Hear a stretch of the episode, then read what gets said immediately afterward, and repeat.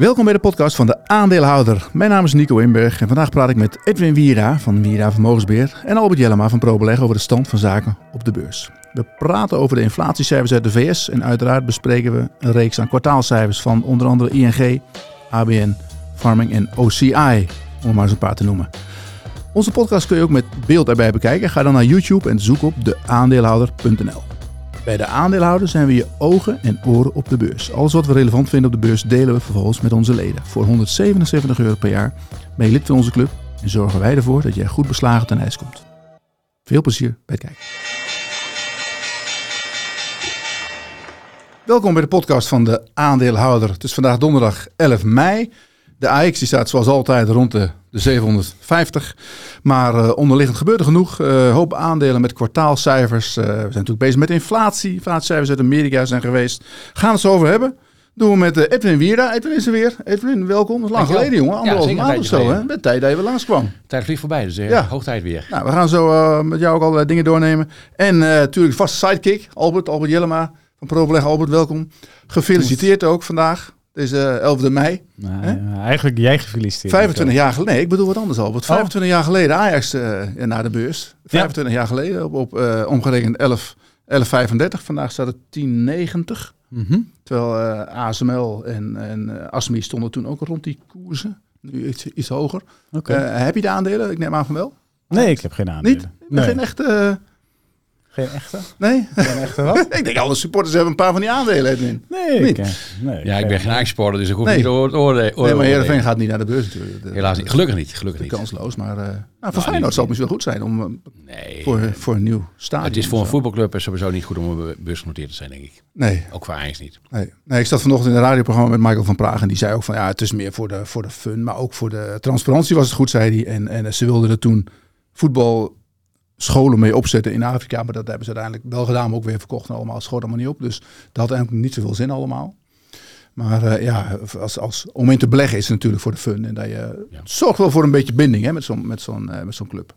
Ja. Zo'n kaart of een, uh, een, een, paar aandelen. Nou ja, Ajax op de beurs, 25 jaar. En ik ben benieuwd of ze nog een keer gaan afhalen. Want het is wel vaak, ze hebben het er wel een paar keer over gehad. Om het van de beurs te halen, maar het is nog niet gebeurd. Wat deed je eigenlijk in die uitzending als Feyenoorder? Dat heb ik, niet gezegd dat ik Feyenoord was. Ik heb wel na afloop zei ik tegen Michael van Praag, zeg, Michael, ik was eigenlijk, ik ben eigenlijk, ik ben voor Feyenoord, maar dat heb ik in de uit pietijd met jullie heb ik dat in de uitzending niet gezegd. Maar hij zei, hij was heel, heel aardig. Hij zei, had je rustig kunnen zeggen, want jullie hebben een fantastisch seizoen. En ik zei, ja, bij jullie niet, dat was een ramp. Maar toen vond hij niet, maar het mij niet uit. Heel aardig man. En uh, ja, nee, Corné van Zel moest daar eigenlijk zitten, maar die was een week te vroeg. Die had zich verkeken op de tijd, dus vandaar dat ik daar uh, heen mocht.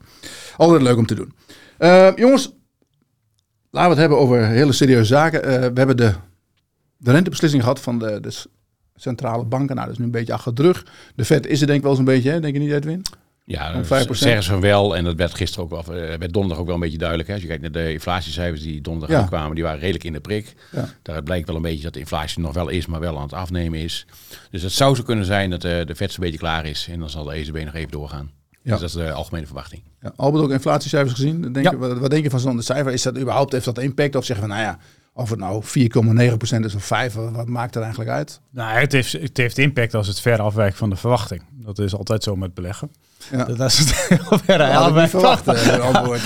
dat is het heel ver antwoord wijkt weer af van mijn verwachting. Ja, nee, dat bedoel ik. Dus dat, uh, kijk, uh, 4,9, als het in één keer 5,4 uh, was geweest en dat het dus toch hardnekkiger blijkt te zijn, ja. dan had dat denk ik wel een schokeffect veroorzaakt en dan waren de koers wel een stukje lager gegaan. Dus het heeft impact als het afwijkt van de, van de verwachting. Ja, oké. Goed, die inflatie daalt zeg maar wel. Het gaat niet erg hard, maar het daalt wel. Ja. En dat gaat in ieder geval de goede kant op. De beurs deden weinig op. Hè. Het leek eerst even wat, wat hard omhoog te gaan, maar uiteindelijk ging het ook weer gewoon omlaag. Vanochtend even wat hoger. Ja, die chipjes, die, liep, ook uh, die chipjes liepen gisteren wel even in één keer hard op, want de ASML stond in één keer op 600. Ja.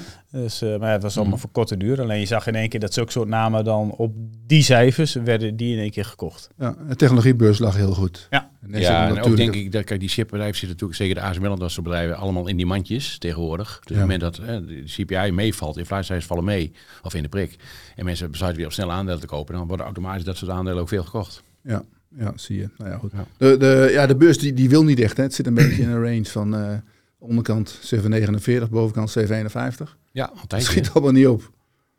Helemaal niks. Maar er gebeurt onderliggend genoeg, hè? Ja, Dat, nou, daar gaan we eens even naar kijken. sprongen bij verschillende aandelen. Ja. We hebben een hele serie aandelen die langskomen, die uh, met kwartaalcijfers kwamen deze week. Laten we beginnen bij de banken. De banken, er is wel veel, veel over te doen, hè? Over die, uh, ja, verdienen ze eindelijk je geld, is weer niet goed. Ja, het is wel goed voor de aandeelhouders, maar niet voor de rest van de samenleving. Nee. Ik denk dat het verschil een beetje is. Ik zei al, ING gaat voor anderhalf miljard aandelen inkopen. Dat is eigenlijk geld wat ze normaal gesproken aan, aan eventueel aan rente hadden uitgekeerd. Dat doen ze niet. Albert die had daar vanochtend een tweetje over ja. en dan kreeg een hoop... Uh, ja, reacties op. Altijd ja, dit, weer. Kijk, iedereen is natuurlijk... Uh, we hebben het heel veel over graaiflatie. En dan kijkt iedereen nou in de supermarkt dat het heel duur is geworden. Maar ja, uh, de marge bij uh, Albert Heijn was in Europa wat lager, ook door wat stakingen. Maar daar wordt in één keer niet een bizar hoge marge gemaakt. Alleen bij banken wordt natuurlijk wel in één keer die rentemarge die ze niet doorgeven, wordt heel veel geld verdiend. Ja. Dan kun je zeggen, nou, dat is niet goed en zo. En dan een beetje, kun je een beetje lekker op zeiken. Dat is wel, al soms wel eens lekker.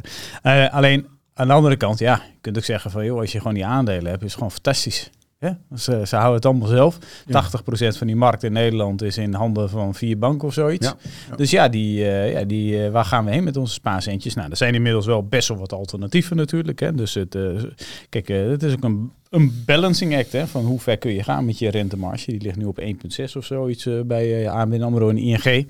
ING die koopt er dan aandelen voor in. Dus voor de aandeelhouders is het hartstikke goed nieuws. Uh, dat dit gebeurt. Uh, alleen ja, dat uh, roept natuurlijk wel wat weerstand op. Dat is logisch. Ja, ja. Alleen ze hebben het ook heel lang moeilijk gehad hè, met die rente van nul. Ja. En toen was het heel vervelend. Ja, nu hebben ze even een tijdje de wind in de zeilen. Ja. En weinig voorzieningen.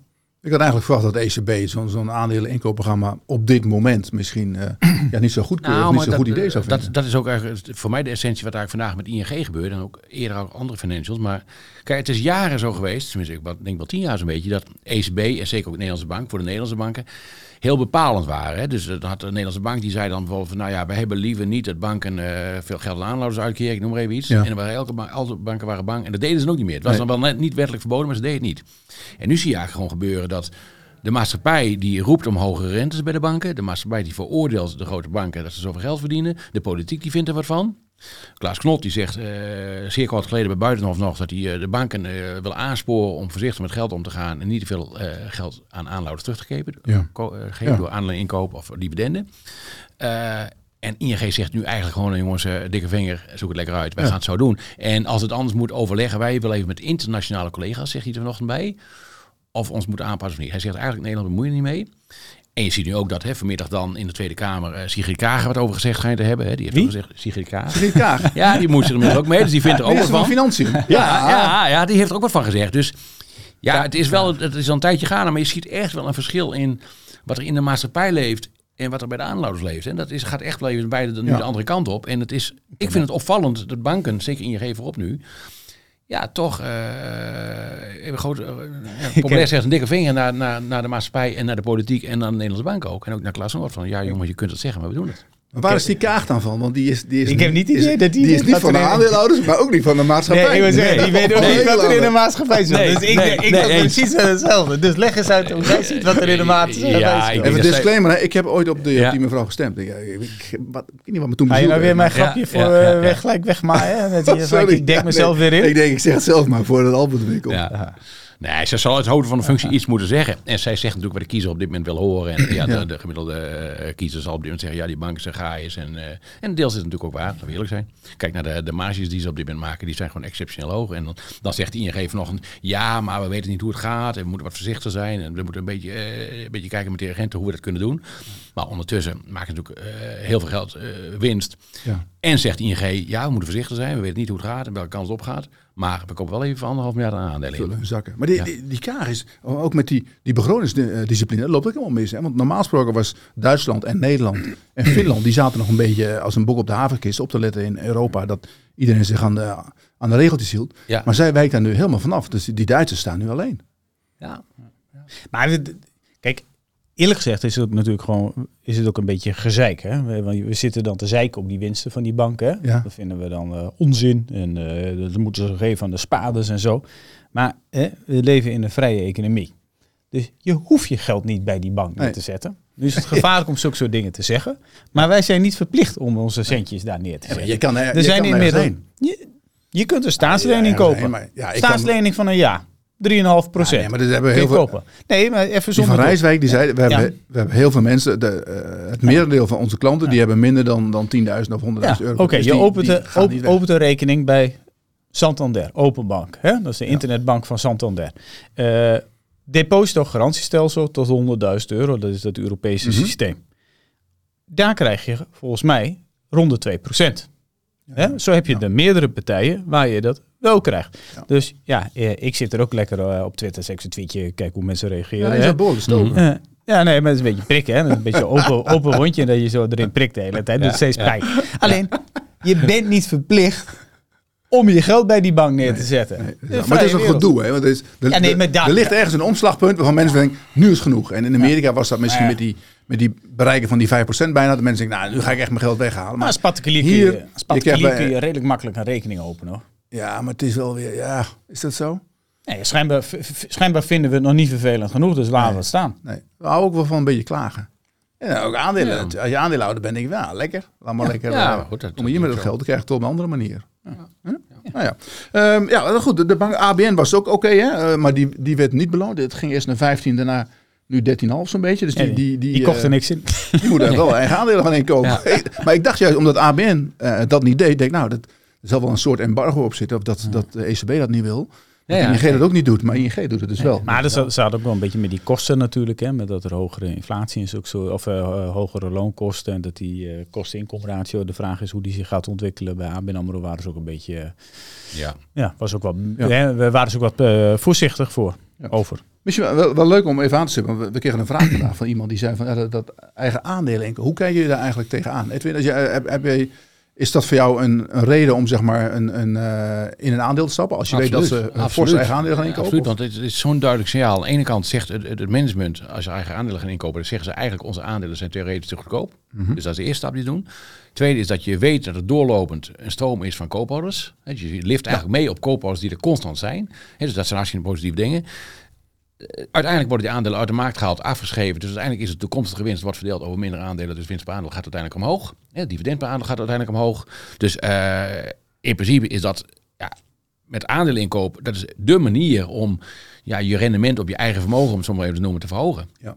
Er wordt ook wel gezegd van het is een soort ideeënarmoede. Want ja, je Ja, geld ja, dat moeten kun je zo investeren in een nieuwe business. ja, En als je, dat, als je niet meer weet waar je ermee moet doen, dan ga je maar ja, zo wordt het ook gezien. Alleen ik denk dat, dat het verschilt per tijd. Ik denk dat we nu in een, in een tijd zitten dat veel beleggers zeggen, nou eh, eigen aandelen kopen liever dan nu eh, hele wilde adverturen. In het jaar 2000 bijvoorbeeld, even het andere uiterste, toen eh eh, keerden bedrijven minder eh, dividend uit en kochten ze alles wat los en vast zit. Dat was op dat moment het item wat, wat, Ja. wat speelde. Dus het is een beetje ook van de tijd afhankelijk, denk ik. Ja. Albert, jouw ideeën erover? Ja, Eh, ja, bijvoorbeeld, die doet het Ja. vaak als de koers hoog staat. En dan Nee. doen ze het weer andersom als de koers laag staat. Ik zal je wel een keer, ik, ik zal je wat vertellen waarvan jij denkt, nou, daar geloof ik niks van. Maar ik heb ooit institutioneel gezien artikelen geschreven over dividend en aandelen inkoop. En wat dat voor effect heeft. Ja, hè, ja. en hoe die bedrijven dan presenteren hè, voor eh, grote institutionele pensioenfondsen. En wat het is, kijk, eh, dividend is in principe eh, bedrijven die bijvoorbeeld 50% van hun eh, winst per aandeel uitkeren als dividend. en die andere 50% herinvesteren. Want jij zegt het is ideeënarmoede. Maar je maakt vaak ook betere investeringsbeslissingen als je niet te veel tot je beschikking hebt. Dan ben je selectiever in de keuzes die je maakt waarin je gaat investeren. Dus als je dat destijds, en we hebben natuurlijk, hè, dit onderzoek is al wel, wat was het, acht, negen jaar of tien jaar geleden al of zo. Maar wat je wel toen had, was dat eh, die bedrijven die dat prudent deden, dus niet in één keer 90%, maar die rond de 50% zaten, die presteerden eigenlijk beter op de beurs dan de bedrijven die niks uitkeren, omdat daar gewoon een meer een goede discipline of kapitaalsallocatie in zit. Kijk, bij ING zou je kunnen zeggen, joh, eh, ze keren 50% bij wijze van spreken zou, je, eh, zou, zou ze dividend moeten uitkeren. Maar als jij dan in één keer excessieve winsten hebt, ja, dan is het niet zo dat je in één keer compleet nieuwe investeringsideeën hebt. Dus dan is dit een voor overwinsten, laten we dan zo zeggen, Ja, ja. die tijdelijk zijn, is het misschien wel een goede manier. Maar het gaat ook het signaaleffect dat bedrijven goed nadenken over wat ze met hun winsten doen. En het niet maar zo van, nou, we gaan investeren, we gaan investeren. Ja, dat is eh, ja, de, in, uit, uit onderzoek wat ik ooit had gemaakt, bleek Ja. dat dat verstandig was. Hey, ik ga toch anders naar je kijken nu. Dat is wel, eh, Ja. wel een dingetje. Zag je weer niet aankomen, hè? Die zag er niet aankomen. Nee, nee, nee. Over aandelen inkoop gesproken. Ahold, eh, die kwam ook met cijfers deze week. Uh, wederom mooie cijfers. Hè? Die houden het goed vol.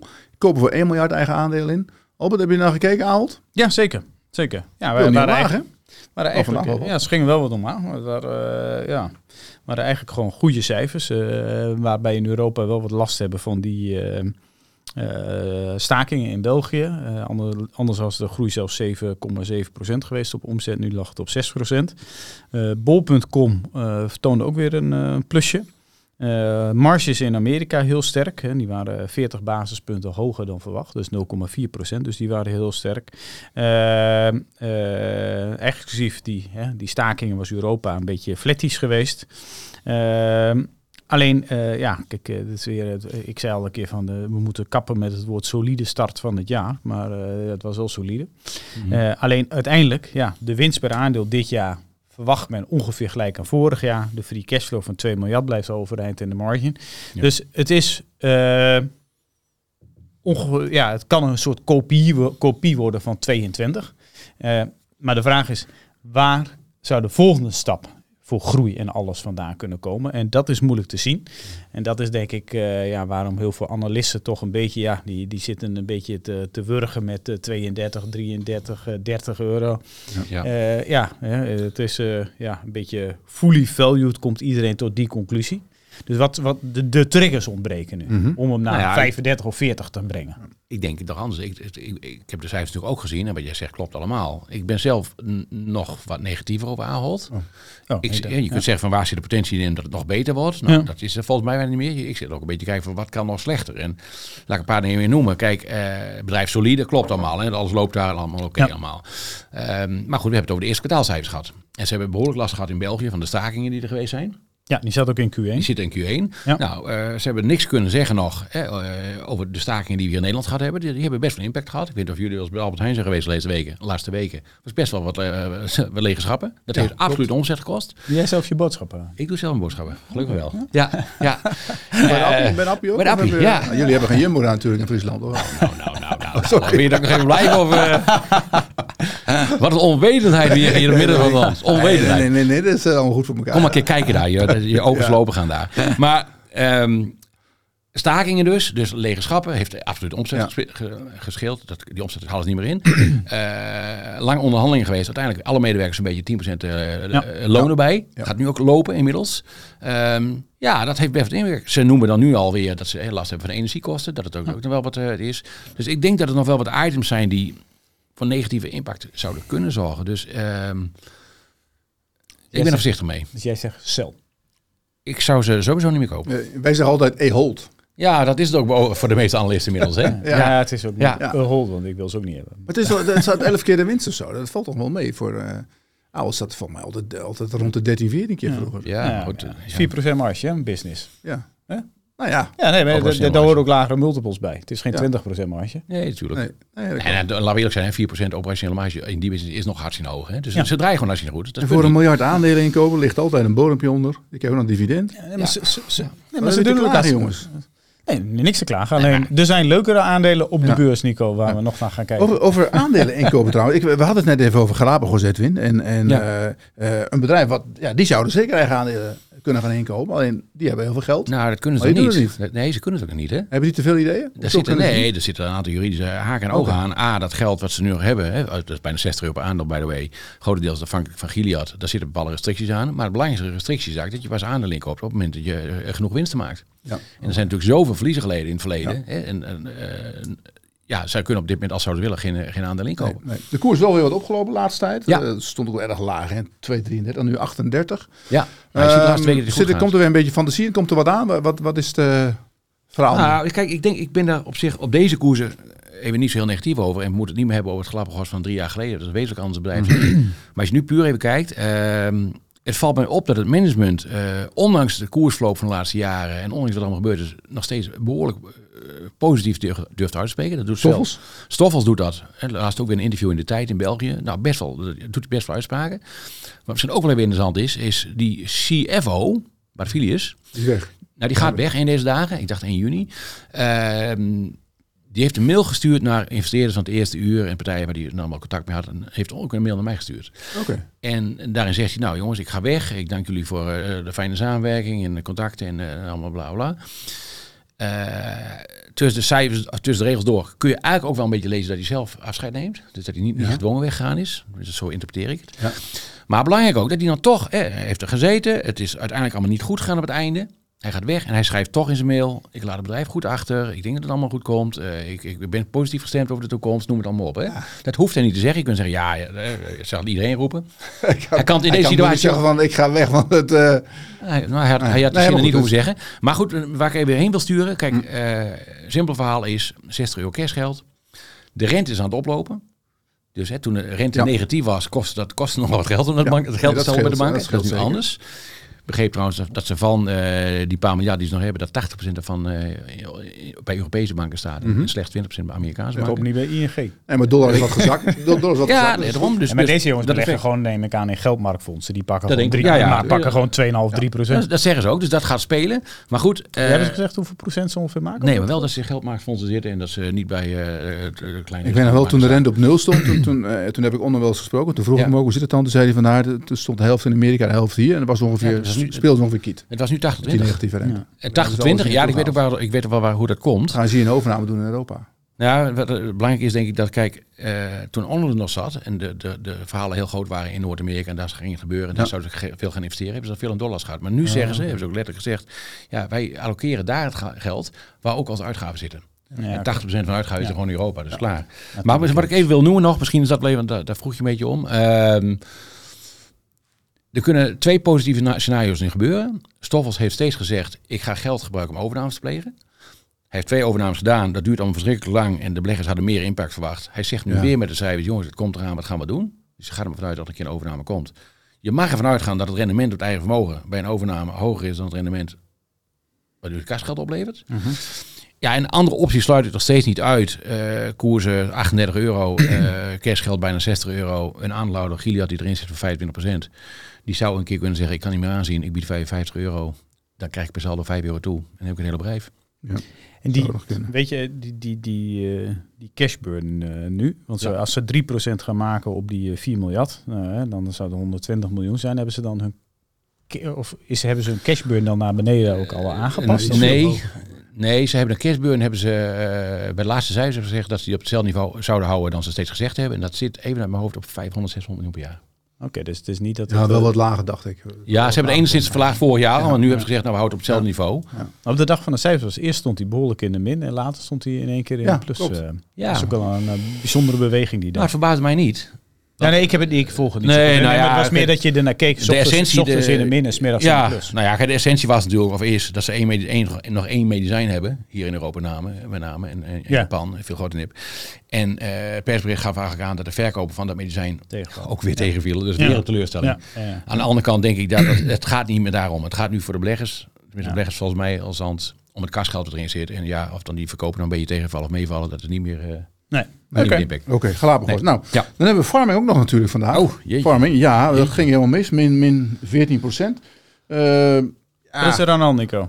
Toch wel een tegenvalletje bij Rucones, maar dit, ik, ik sprak vanochtend Simon de Vries en die legde dat uit. Het is eigenlijk de hele, hele uh, uh, sector bij Rucones, die hebben allemaal last met de verzekeraars. Maar hij zegt dat het goed komt, dat het ingehaald wordt en dat uiteindelijk houden ze ook de outlook vast. Hè, tot de lichte groei, denk een groei van 1%. Nou ja, goed, hm. in, in dollars en de dollar is wat gezakt, dus het zal qua omzet een beetje onveranderd zijn. En um, ja, voor de rest met uh, Joenja gaat denk ik best goed. 23 mensen hebben dat spul nu. Ja, waar hebben we het over? Dat soort aantallen. Maar ja, ze betalen 5,5 ton per, per behandeling. Ja. En dat zit er nou aan te komen. Alleen dat, dat heeft meer tijd nodig. Dat is nu nog geen omzet natuurlijk. Ze hebben eind maart pas de, de goedkeuring verkregen. En ze zijn nu op zoek naar mensen. Ze zijn de eerste Amerikanen die ook mee hebben gedaan aan die testen. Die worden nu in dat product, die krijgen die, die, die medicijnen nu. Die zijn de verzekering aan het aanschrijven. Daar zit een paar maanden tussen. Het gaat allemaal zijn gang. Heeft hij en, nog wat gezegd over uh, nu 23? Heeft hij nog... Nee, zegt 100 aan het eind van het jaar? Nee, nee hij, hij, wil absoluut geen aantallen noemen, maar er komen wel, ik denk dat er tientallen bij komen. Dat ze zijn op zoek naar mensen natuurlijk. Ze hebben in Amerika, ze hebben zeg maar, ja, wereldwijd 500 mensen gevonden, 500 plus, 200 in, in, uh, in Amerika, waarvan ook nog een kwart kinderen. Dus die, daar moeten ze ook nog ja, een aparte ja. goedkeuring voor ja. hebben. Daar, mm -hmm. daar, lopen nu testen voor. Dus het heeft allemaal tijd nodig. Nee, ik begrijp dat ze die, die kinderen boven de 12, dan moet dan in, uh, de, in drie maanden zijn afgerond. En dan van daaronder, dat moet nog weer een aparte test uh, ja, van komen in het vierde, derde of vierde kwartaal of zo. Het duurt nog wel iets langer dan, dan dat komt niet meteen. Dat, dat, wordt in de tweede helft van dit jaar moet het worden afgerond. En dan moeten ze ook, ze loopt, loopt nu in Europa natuurlijk, daar moet, dat is uitgesteld. Hè, want die mensen die wilden bij de EMA, ja. die wilden meer informatie zien. Er liep nog een onderzoek, daar wilden ze meenemen. Nou, dat is eigenlijk goed, want dat is een heel onderzoek wat heel goed loopt. Dus dat, mhm. Dat vergroot de kans alleen maar. Alleen het duurt wel ietsje langer. En dan gaan ze naar Engeland en dan eventueel nog Japan. Maar dat duurt nog weer langer. En dus dat, dat geld wat ze dan misten in het eerste kwartaal van Ruconest, krijgen ze dat gewoon in het tweede kwartaal? Ja, de bedoeling is dat, dat hij zegt dat het ingehaald wordt. En uh, per kwartaal ja, verschilt dat. Eerste kwartaal is altijd iets minder. Afgelopen jaar was het ook zo. Ja. Uh, dus dat wordt wel ingehaald. Omdat er tegen het einde van het jaar schijnen ze meer te bestellen. Om dan nog voor het einde van het jaar die, die bestellingen te ja, doen. Maar ze kregen nu niet betaald, las ik. Nee, nee precies. Maar dat, dat moet worden inge... Ja, maar er werd ook minder geleverd. Hè, omdat die, die verzekering had, had kennelijk gezegd van... Uh, we, we, we, moeten eerst andere papieren zien, weet ik veel allemaal. Okay. Dus het, uh, die leveringen werden ook wat uitgesteld. En dat valt dan waarschijnlijk in het andere kwartaal. Dus maar de, die outlook laten ze staan. 1% groei. Dus in principe moet dat, uh, gezien over het hele jaar... Mm -hmm. Ja, moet dat goed komen. En dan is het gewoon... ja, mensen moeten geduld hebben. Maar ik ik hoorde via, ik weet niet wie dat zei, maar dat er, dat er uh, het is natuurlijk opgekocht de afgelopen dagen. Hè, van er stond een eurotje ja. in 15, zo'n beetje in 18. En nu vandaag, uh, ja, dit is toch wel een beetje een tegenvaller dat het met Ruconest niet goed zit, denk ik. Dat wordt niet goed ge, Ja, maar het valt ook op verkeerde beurs. Hè? Of de beurs eh, sterk zou zijn vandaag, dan worden dit soort uh, ja, nou ja, goed, dingen beter opgevat. In, in het, als het een aantal dagen met elkaar oploopt en het, uh, je hebt een tegenval, ja, dan gaat het even af natuurlijk. Maar goed, ja. ja. voor mij maakt het voor de rest, voor de business case, niet zo gek, gek veel uit, denk ik. Dat uiteindelijk, het, het is een, een lange termijn verhaal. En als het zo lukt om die omzet op te tillen naar, naar weet ik veel, van 200 naar ja, 400 of 500 miljoen. Dan heb je een heel ander verhaal en dan kan die koers ook... Wordt wel eens om uitgelachen. Dat ik schijn ergens gezegd hebben dat er naar 5 euro kan. Oh. 3 tot 5 euro gezegd. Maar ik geloof echt dat als ze, ze 500 miljoen omzet halen, dan ga je inderdaad die kant op. Maar goed, dat gaat natuurlijk niet, niet dit jaar nog gebeuren. Dat, dat kan iedereen ook wel op zijn, zijn klompjes aanvoelen. Uh, nou, laten we even verder gaan. Kendrion Albert. Ja. Uh, daar hebben we het twee weken geleden, dacht ik, over gehad. Ehm, ja, je hebt daar positie lang. in voor ja, iets langer. Ja. En um, die kwam ook met cijfers van de week. Ja. Die gingen er ook behoorlijk af. Ik denk uh, ja, tussen de 25% lager. Dat nu rond de 18, denk ik. Ja, 18, 30 uh, of zo. is wel een leuk aandeeltje voor jou, Edwin. Ja, nou, ik laat Albert even aan het woord. Die zit er ja. meer in dan mij. Dus, uh, ja, even pitchen. Ja. Elevator pitch. Eén minuut. u. Ja, nee, kijk, uh, ongeveer een maandje geleden heb ik die aandelen toegekocht. Uh, stonden ze op 15,60 ongeveer. Uh, en we hebben nu een dividendje nog gehad van 75 cent. Ja. Dus eigenlijk staan ze ja, in totaal op 19. Dus ze waren heel hard opgelopen. Ja. Dus die cijfers kwamen en eigenlijk, ze hebben eigenlijk, ja, zeg maar, als je het even plat slaat, heb je twee divisies. Je hebt industrial en automotive.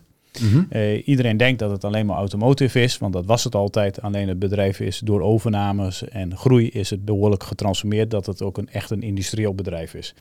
Industrieel is meer dan 50% van de omzet, rond de 2, 53%, maar 80% van de EBITDA.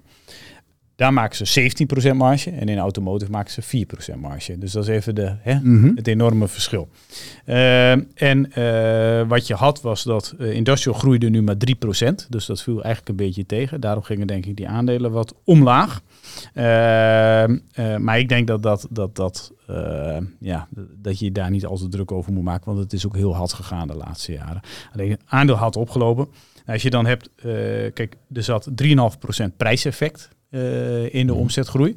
Uh, totale omzetgroei was 5%. Alleen uh, dat moet nog verder gaan, omdat dat niet genoeg is om de toegenomen kosten okay. te compenseren. Want een zogenaamde added value marge die, steeg een dikke, die daalde naar meer dan 2%.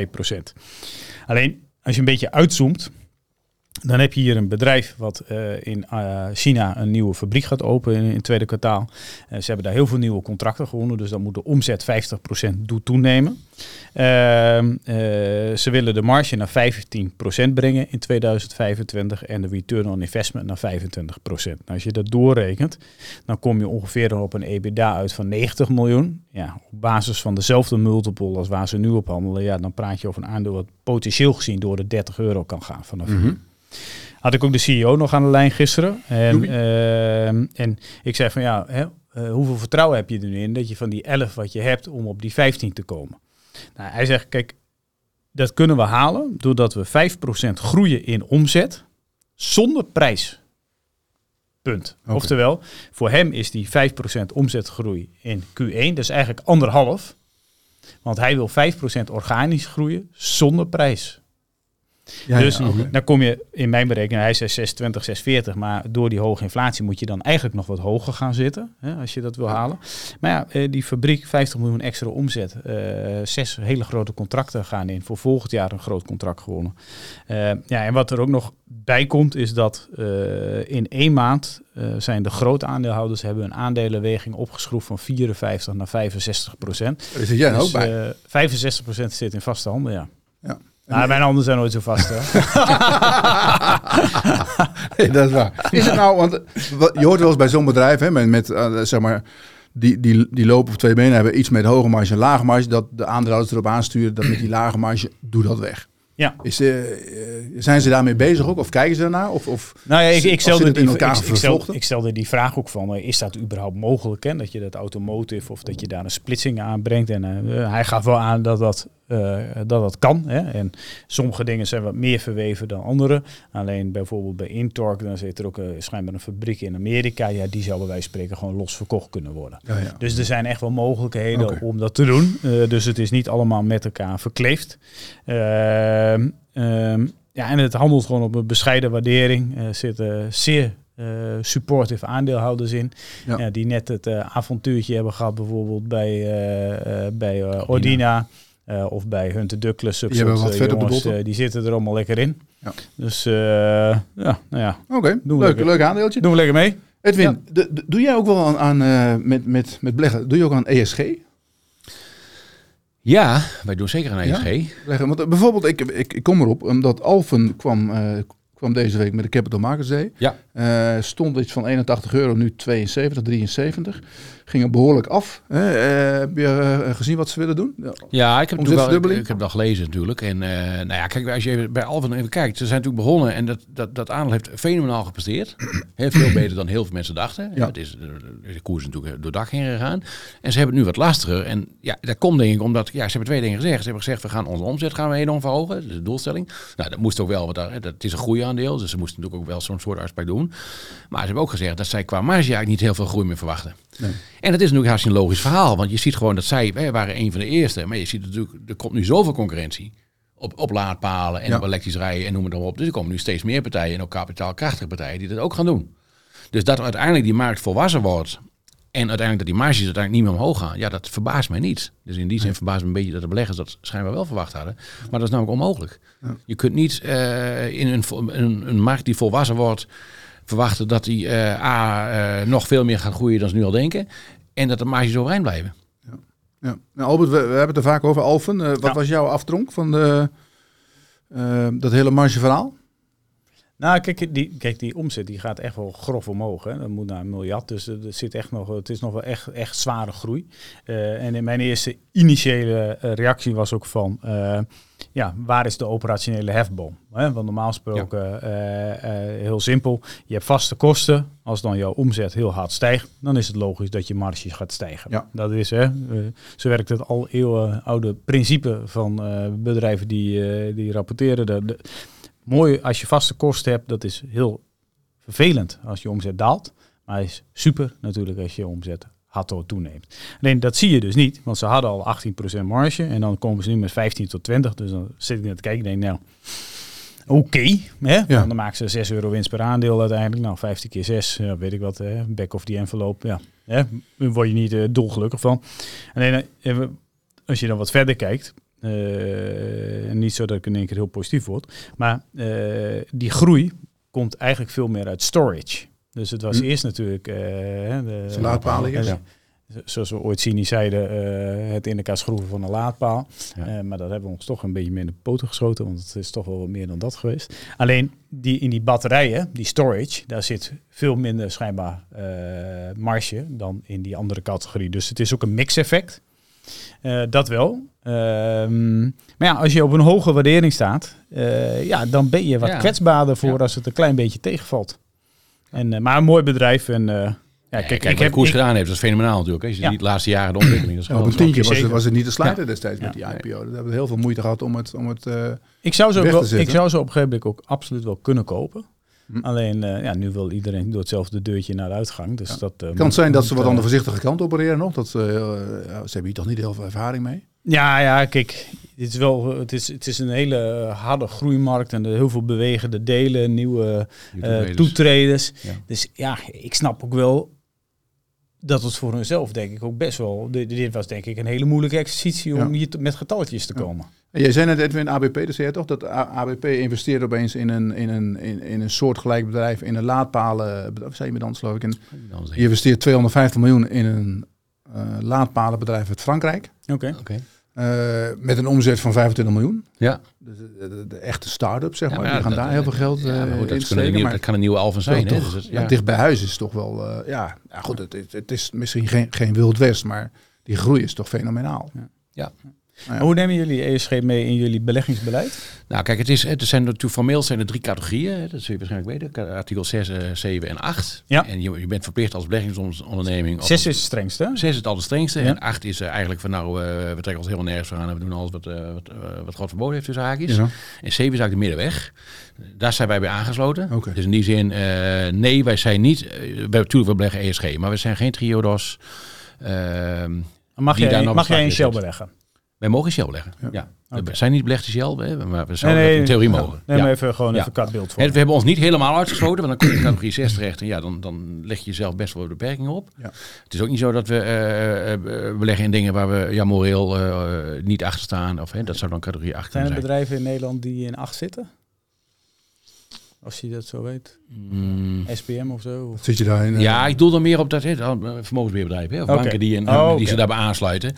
Uh, nee, ik zou zo niet, niet een voorbeeld daarvan weten. Ik denk dat de meeste in, in 7 zitten. Ja. achter moet je dan, dan heb je het misschien over wapenfabrikanten. Zo, dat ja, dat is op, nou ja, dan ja. kom je dat soort Maar dat is nu, daar krijg je ook een heel andere discussie over. Want ja. heel veel mensen willen nu, die beleggen bijvoorbeeld nu in Rijnmetaal. Hè, wat, wat uh, vier keer over de kop gegaan is. Ja. En we hebben wapens nodig, moeten ons verdedigen. Dat is een hele moeilijke morele discussie. Ja, dus uh, iemand moet dat wel doen. Hè. Kijk, we hoorden vandaag ook van ING. ING heeft ook gezegd, er stond een filmpje van, van die van Rijswijk.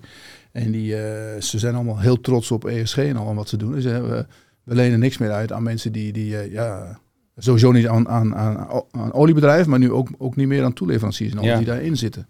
Dus die, die hoek wordt helemaal afgeknepen. Ja, maar die hoek komt op een andere manier wel aan geld. Dus ja. Dat uiteindelijk nou, die, hebben zelf, die verdienen natuurlijk zelf heel veel geld omdat die olieprijs goed is. Maar ja. nou ja, oké. Okay. ESG. Dan hebben we, ja, we vliegen door de tijd, jongens. OCA hebben we nog niet besproken, Albert. En ja. um, even kijken. Um, slechte cijfers. Ja, niet goed eigenlijk, hè? Nee. Feest is over. Lagere ja. volumes. Ja. Lagere prijzen. Outage. Hatching problemen. Dat was weer, Alles uh, tegen. Was weer eigenlijk een. Uh, ja, was, was, was, eigenlijk weer zoals twee jaar geleden ook was. Ja. T-2. 2. Ja.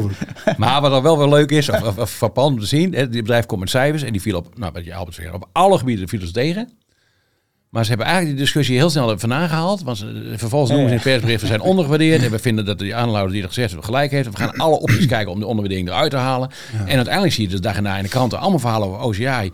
Over dat ze van de beurs willen, ja. of linksom, rechtsom, weet ik wat. Maar eigenlijk niemand heeft die hele slechte cijfers. Nee. Want dat was echt nog best wel dramatisch eigenlijk. Ze hebben een keer eerder gedaan. Toen hebben ze gezegd dat, dat ze die methanoltak misschien wilden verkopen. Ja. En toen was dat, dat hing anderhalf jaar boven de beurskoers. En er is eigenlijk niks van terechtgekomen. Maar dit, ja, dit, dit uh, speelt weer eigenlijk. Maar dat begon al met die Amerikaan natuurlijk. Die twee maanden geleden, zelf een maand was dat, die, die uh, Jeff Ubben. Die had ja, dan had ja. 5% gekocht. En die zei van, oh, wat gaan we doen met die onderwaardering? Ja, maar dat is ook wel leuk. Want kijk, er wordt nu gezegd, het bedrijf zelf zegt al van nou, wij vinden onszelf ondergewaardeerd. Dat is op zich al een uitspraak. Hè. Dat doet niet iedereen. Uh, wij steunen die grote aanlouder. Wij vinden het ook. We gaan kijken op, op welke manier we ook weer die onderwaardering uit kunnen halen. Maar dat kan dus twee dingen betekenen. Want iedereen heeft over, dan worden ze van de beurs gehaald. Dat hoeft dus helemaal niet zo te zijn. Ja. Het zou best wel eens kunnen zijn. Dus gewoon naar een andere beurs gaan. Dus ze zeggen, wij gaan naar een, een beurs in Saudi-Arabië. We gaan naar een beurs ergens in een ander land in, in, het Midden-Oosten. Amerika Amerika heeft ze ook al genoemd.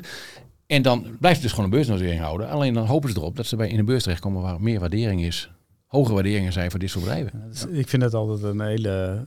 We hadden dat ook bij Shell, die dat gesprek. Hè, van ja. Shell op de Amerikaanse beurs zou staan, zou die 100% hoger uh, de koers staan. Ja, zeggen ze ja. En dan denk ik van ja, we zijn toch bij een Shell, dan denk ik ja, het is een institutionele wereld. Hè. Die mensen die kunnen Exxon kopen, kunnen Shell ja, kopen, B, kopen, B kopen. Dus zou het nou echt zo zijn dat als je dan daar staat, dat Shell dan in één keer twee keer zoveel waard heb je een punt. Heb je een punt. Dan, heb, heb, dan denk ik van ja, kijk wat Shell voor mij dan best beter kan doen is assets, olieassets verkopen op die hoge multiple en dan zelf aandelen kopen en dan misschien zoiets mm proberen. Nee, maar het is een beetje... Moet OCA natuurlijk ook, die moeten gewoon die Amerikaanse fabrieken verkopen aan een Amerikaan.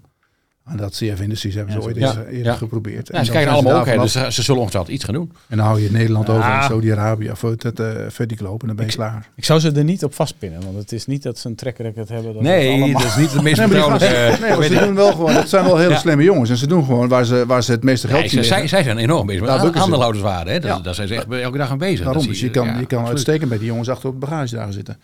Eh, we zijn bijna door, mannen. Eén ding, wat ben ik nog vergeten natuurlijk. De verbazing van deze week. Edwin, laat me jou beginnen. Heb jij daar ergens over verbaasd? Ja, verbaasd, verwonderd. Eh, even, met, de- even met de neus op de feiten weer gedrukt. Uh, aandeelhoudersvergadering bij Philips. Dan willen alle aandeelhouders hebben één keer per jaar de mogelijkheid om uh, naar een vergadering te gaan en te zeggen hoe ze erover denken. En sterker nog, ze mogen stemmen op een aantal punten. Ja. Dat mag bij elk beursgenoteerd bedrijf. En dan gaan de aandeelhouders heen. En dan uh, zeggen die aandeelhouders, althans 75% van de aandeelhouders, ja. Die geeft geen discharge voor het raad van bestuur. Dus die zegt eigenlijk, jullie hebben het niet goed gedaan. Dat betreft vier personen. Uh, wij zijn het niet mee eens. En wij, uh, wij zeggen niet van, jongens, we gaan verder schone handen en we gaan mooi verder. Dus wij zijn gewoon tegen. Dat is een heel sterk signaal. Ja. En feitelijk blijkt gewoon dat het eigenlijk ja, ze hebben ervoor gestemd, maar ze naar voor of tegen hadden gestemd, het maakt dan gemoe uit. Nee. Want het bedrijf zegt gewoon, nou, dan weten we dat, we gaan volgende, volgende ja. onderwerp. Ja, maar dat was ook een beetje om die van Houtenschop na te geven, zeg maar. Dat... Ja, wel, nee, maar eens. Maar als jij gewoon, en dat geldt voor meer te blijven, ik volg het wel wat meer. Dan kom je op aanloudsvergaderingen en dan zijn er agendapunten, dan moeten aanlouders op stemmen. Ja. En als je dan goed kijkt, dan staat eronder, het is een raadgevende stem. Een raadgevende stemming. Ja. Dat betekent dus gewoon, ja, aanhouders, we vragen wel uw stem, maar het is raadgevend. Dat betekent dus als, het, als het in ons nadeel is, dan hoeven we er niks mee te doen. Nee, en dat, dat gebeurt nu ook. Ja, thuis ook wat, het, wat het raar is, is natuurlijk, het is sowieso is het altijd één grote poppenkast, uh, die dingen. Mm. Alleen dat je dan zo'n, uh, nou dan zit je die, die Fijke Siebesma, die is dan uh, voorzitter van de Raad van Commissarissen ja. voor mij. Maar die zouden er toch echt wat mee moeten doen. Maar die, ja, die ik bedoel, 75% is tegen. Ja, maar die kreeg wel discharge, hè? Uh, ja, Raad van Commissarissen Hallo, maar... Hallo, Raad van Commissarissen, Raad van Bestuur. Dus Raad van Commissarissen moet dan ja, zeggen, nou oké, okay, het signaal is duidelijk. duidelijk We moeten hier iets mee doen. Ja. En dat doen ze niet. Nee, je moest gewoon lachen. Hij zit nu weer zo gewoon zijn uh, commissarisfietje te tellen. ja. En ga er wat mee doen, man. Ja. Doe me denken aan... Doe me denken aan... Zo'n freakshow, zo'n aandeelhoudersvergadering. We zaten even live mee te kijken en er zit allemaal... Ja, ik ga er later ook nu, als ik uh, mijn pensioen ben. Je tijd hebt over. Dan ja. lekker eten en drinken overal. Maar de, de, de, de grote aandeelhouders, die stemmen natuurlijk op afstand. Ja, oké, okay, maar... Ja. Even een verhaal. Jij gaat binnenkort naar de aandeelhoudersvergadering van Justy Takeaway. Ja, klopt. Uh, dan moet je ook over dit soort dingen ja. stemmen, neem ik aan. Ja, ik vind uh, het, heb ja, je daar je, je mening al bepaald? Echt helemaal niks voor mij, zoiets. Maar Misschien ga ik ook wel heen. Ga er wel heen. Kun je er aanmelden of niet? Denk het niet. Oh, dat is jammer. Ik heb met Albert mee. Ja, dan moet je wel eens op tijd aanmelden. Ja, maar leuk kijken. Ja. Nee, ja, ik ga erheen. Ja, ja, ja maar dus, de, de, daar komt dit ook aan de orde natuurlijk? Ja, ja, ja. Ik ga ook lekker tegenstemmen. Ja. Lekker maar dat was de vorige keer ook zo bij Justy Takeaway. Ja, was, ja, nee, maar toen was toen het nog, om die toen was nog uh, CFO, maar die haalde het gewoon met, uh, met, uh, met 90% of zo. En ik kunt, ik een fantastisch verhaal vertellen over dat, dat, dat, dat andere CEO's meer verdienen of weet ik wat of zo. Maar gewoon als jij aandeelhouder bent en er is zoveel fout gegaan en die aandeelhouders, die koers is geïmplodeerd en jij wil het salaris zo grof verhogen, ja, dan heb je het gewoon, wat mij betreft, niet begrepen. dan heb je het gewoon. Ja, maar het valt me ook heel smerig tegen van die Dick Boer. Ja. En dan denk Ja. ik van die gozer, die is voorzitter van die remuneratiecommissie. Gewoon beloningscommissie noemen we ja. dat normaal Nederlands. Ja, Ja. ja, Ja. dat ja. Ja. En, eh, Die komt bij AL vandaan. En- daar, ging altijd, daar gaat altijd de prijs omhoog. en, en dan denk ik van, gast, je zit er net. Ja. En dit is dan je eerste actie die wij zien als aandeelhouder. Ik had er nog wel een beetje het idee van, nou die man die... eh, is er ook, eh, hè, die kan hier wel wat dingen verbeteren. En dit gaat hij dan verdedigen dat het logisch is dat het salaris met, eh, weet ik wat voor debiel percentage omhoog gaat. Nou ja. Wanneer is die vergadering? Eh, ergens, eh, Woensdag. Aanstaande woensdag al? Ja. Oké, daar kunnen we het volgende week over hebben. Leuk. Volgende week komt hier trouwens Jean-Paul van Oudheus, hè? Dat is volgende week toch? Dus leuk, Klopt. daar gaan we het daarmee over hebben. En ehm, dan nog één ding, Albert, jouw verbazing voor deze week? Ik heb er twee. Twee. Eén doe ik Oh even heel kort. Ja. Dat het mij verbaast is dat ik een collega heb die voor Feyenoord is en dan in het programma gaat zitten van 25 jaar Ajax. Ja, dan, ik zeg dan ben je wel heel geil op aandacht. Ik vond het Dat fantastisch om in, in de week dat Feyenoord kampioen wordt, dat dus, ik eh, daar... Dus ik dat heeft mij eh, verbaasd. Ja? En het tweede wat mij verbaast is, dat is al kort besproken, maar dat eigenlijk, eh, we hebben een kabinet en dat, die voert het programma van D66 uit. Terwijl als Ja. we nu nieuwe verkiezingen zouden hebben, zouden die compleet weggevaagd zijn. En dat dan zo'n Kaag staat er dan in de krant, dat die dan met Spanje de begrotingsregels inderdaad wil versoepelen. dat je denkt, als we nu gaan stemmen, eh, dan mag je blij zijn als je nog in de Tweede Kamer mag zitten überhaupt. En dat laten Ja. we dus het hele land eh, op dit moment de, de agenda eigenlijk bepalen. Die draaien er even goed de duimschroef aan. Belachelijk. Ja. Dom. Onbegrijpelijk. Nou, de, rest, dat is eens, ik ben het je eens, maar de rest laat het ook gebeuren. Hè? Ja, Rutte laat het ook gewoon gebeuren. Ja, en maar dat komt, want dan zeggen mensen, ja, u, waarom we niet nieuw stemmen? Ik denk dat, als we nu gaan stemmen, dat VVD ook het Shaki is. Absoluut. De CDA is ook het Shaki, want die gaan dan allemaal naar de BBB. Dus die denken, ja, als we nu gaan stemmen, is het ook niet handig. Alleen dan moet toch de stekker uit uit dit verhaal. Ja, het is een beetje de vraag wat omzicht doet natuurlijk. Ja. want die, die, of die, die zelf een partij opricht. We gaan het doen. Dat die zich ergens bij aansluit. Ed, de stekker eruit. Wij beginnen met de tegenpartij. Ja, ja. ja mooi, mooi. De aandeelhouderpartij, Edwin. Ja, ja. Hè? ja we zoeken een sponsor. Ja. ja, dat wil ik wel.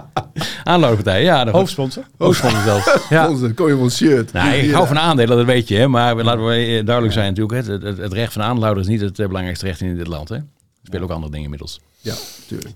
Maar ja, tot dat zo nou ja, Oké, dus uh, nieuwe verkiezingen, daar gaan we mee afsluiten. Die komen eraan. September dan, laten we dat dan maar doen. Dan zien we dan. Ja. ja. goed. We zijn er door, mannen. Bedankt voor jullie uh, bijdrage. Edwin, leuk dat je er weer was. Dankjewel, vond het leuk. Over een maandje weer? Absoluut. Want dan zit je weer bij Harry? Uh, zeer binnenkort, okay. uh, aanstaand weekend. Mag je even weten waar je daar gaat pitchen? Dan? Dat, dat weet ik nog niet precies. okay, ja. Kendrion. Kendrion, goed idee. Albert ook bedankt. Ja, jij en, bedankt uh, Nou ja. Hey, oh, oh, één ding vergeten. Wat dan? Jij gefeliciteerd. Want dus, we zijn door de, gebeuren zondag. We zijn door de 10.000 oh volgers op YouTube gegaan. Oh ja, YouTube. Ja. En dat uh, we, ben je twee jaar en twee maanden geleden mee begonnen. Ja. Uh, samen natuurlijk met, uh, met Jordi heel veel. En ook met Michiel nu en met Valentijn. En onwijs knap dat het door de 10.000 is gegaan. En ik denk dat het ook mooi is als iedereen die naar deze uitzending kijkt, als die nou ook even op dat abonneren knopje drukt, dat we nog even een mooie boost kunnen krijgen. Maar grote complimenten, echt fantastisch gedaan. En nou, dat wil ik nog even. Ja, hartstikke leuk om te doen. Video is uh, twee jaar geleden dachten van, moeten we ermee video? Maar het is, ja. mensen willen video's zien en het is ook best leuk om te doen. Het is ook, het is van deze tijd, dus dat hoort er ook bij. Mensen die abonnee zijn en, en dat nog gaan doen, ook allemaal bedankt dat jullie ons steunen en volgen. En laten we er met z'n allen gewoon een fantastische tijd van maken. Jongens, bedankt. En mensen thuis, tot volgende week.